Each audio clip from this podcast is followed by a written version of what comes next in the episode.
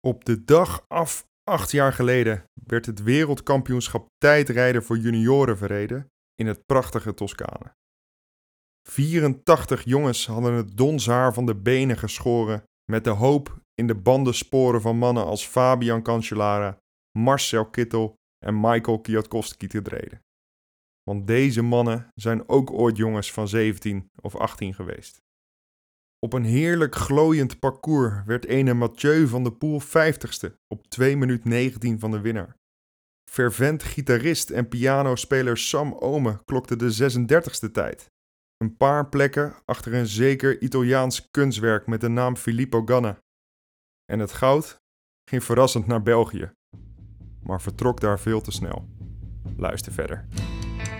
Aan de kant hier eh, gaat hij erover, gaat hij erover, gaat hij winnen, gaat hij winnen of is het Bolt? Het is Van Aert! Het is Van Aert! En nog blijft hij dat reusachtige verzet rondmalen. right now. Oh, this is absolutely fantastic. What a finale. In fact, I'm asking myself. It's going to be a huge win. Oh, look at Van Vleuten. Inimaginable, inimaginable. Christopher Froome est à pied. Boss yet again. On any terrain she wins. Marianne Vos. Aanklampen, wat harken op eh, die klim. Maar dan beseffen, als de rest gaat zitten, dan ga ik door. Stoempende vedettes, elegante gesoigneerde hardrijders, snokkende Colombianen en hopeloos gelosten. De koers is meedogenloos, ongrijpbaar en heroïs tegelijkertijd. En het is niet hij die het meest gekoerst heeft, maar hij die de koers het meest geproefd heeft, die zich in de magie van het wielrennen kan wanen. Dit is Chas Patat, uw wekelijkse portie wielerverhalen vanuit Watcycling. Van legendes uit de kopgroep tot mythes uit de staart van het peloton. En alles ertussenin. Mathieu. Extraordinaire.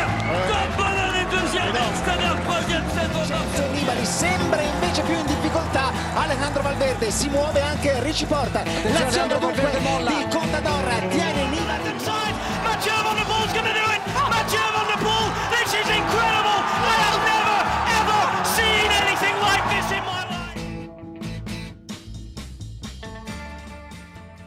Wereldkampioen voor even. Geliefd voor altijd. Op een parcours van 22 kilometer in en rond Florence was het de Belg Igor de Krane die als een komeet over het asfalt vloog en als enige renner onder de 27 minuten wist te blijven. Igor versloeg op die dag de Griekse god van de universele statistische kloktijd, Chronos geheten, in een onderlinge strijd.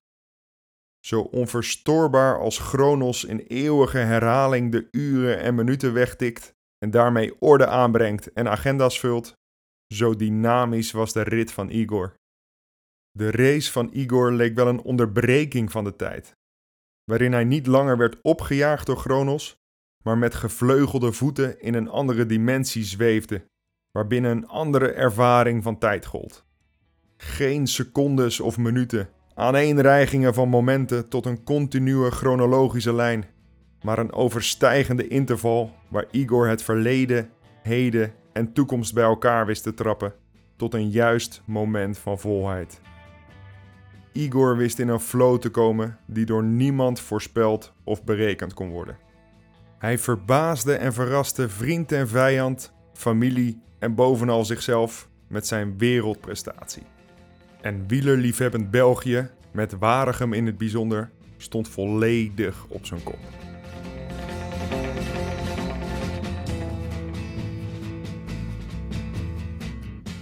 Vader Stefaan kende Igor, een van zijn drie zoons, als een gewone boerenjongen die hielp in het landbouwbedrijf. Igor was gewoon Igor. Er was niets speciaals aan Igor, maar net dat maakte hem misschien zo speciaal. Hij kon toevallig heel goed fietsen en was geliefd door iedereen, al dus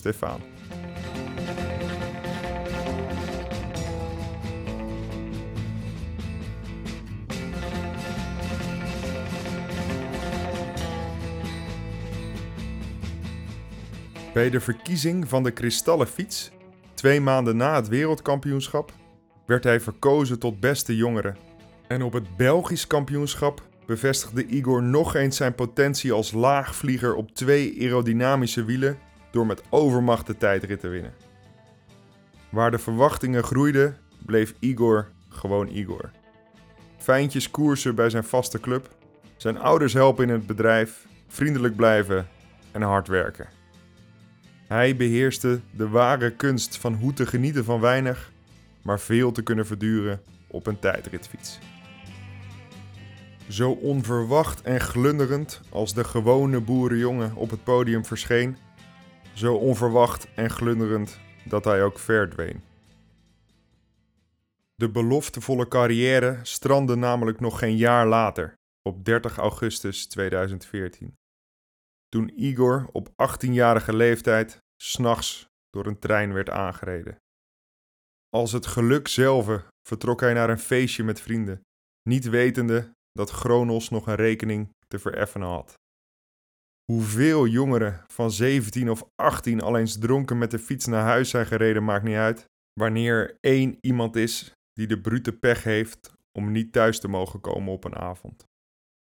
En die pech had Igor. Geen exit in stijl als patron du peloton Tony Martin, die met een wereldtitel op zijn discipline de fiets aan de wiel gehangt. Geen emotioneel afscheid à la Matthew Heyman, die zijn zeventiende en laatste Parijs-Roubaix als eerste over de meet wist te komen. En ook geen tijdelijk afscheid, als Davide Rebellin, die ondanks een val met dubbele beenbreuk in de Memorial Marco Pontani-koers nog verwacht terug te komen dit seizoen, op 50-jarige leeftijd. Een standbeeld op het erf van zijn ouders is wat er voor Igor rest. Een waanzinnig beeld van Igor als een jonge god op de fiets, met een lach vol levensvreugd kijkend over zijn linkerschouder en betonnen ogen die fonkelen van plezier. Ogen waarmee hij van boven hopelijk goed zicht heeft op de wegwedstrijd van het WK. Dat zal zoals gewoonlijk een wedstrijd worden van wachten. Het bord van de tegenstander leeg eten, sparen en wachten tot die finale. Wachten, wachten en nog eens wachten. Totdat het net niet te laat is. Maar wanneer dat is, weet je nooit zeker.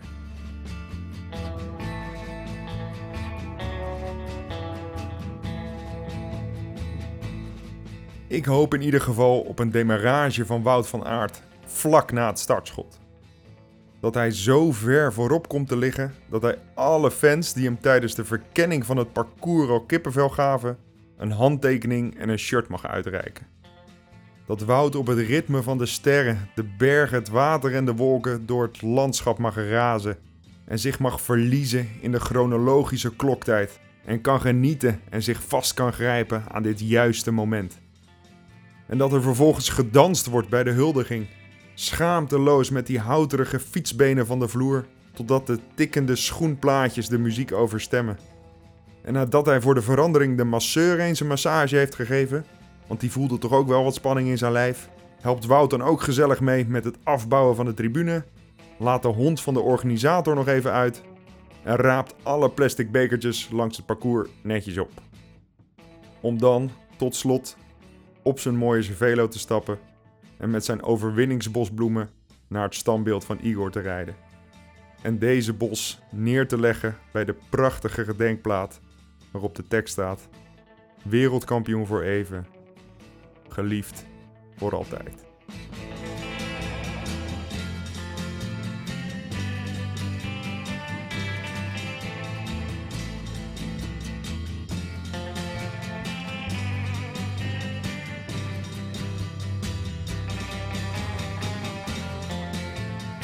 Bedankt voor het luisteren naar Chas Patat. Abonneer je op het Chas Patat kanaal om op de hoogte te blijven van nieuwe afleveringen. En het helpt ons ook weer om gevonden te worden door nieuwe luisteraars. Lees je liever zelf? Ga dan naar watcycling.nl slash chas-patat. Want het is de streep die telt.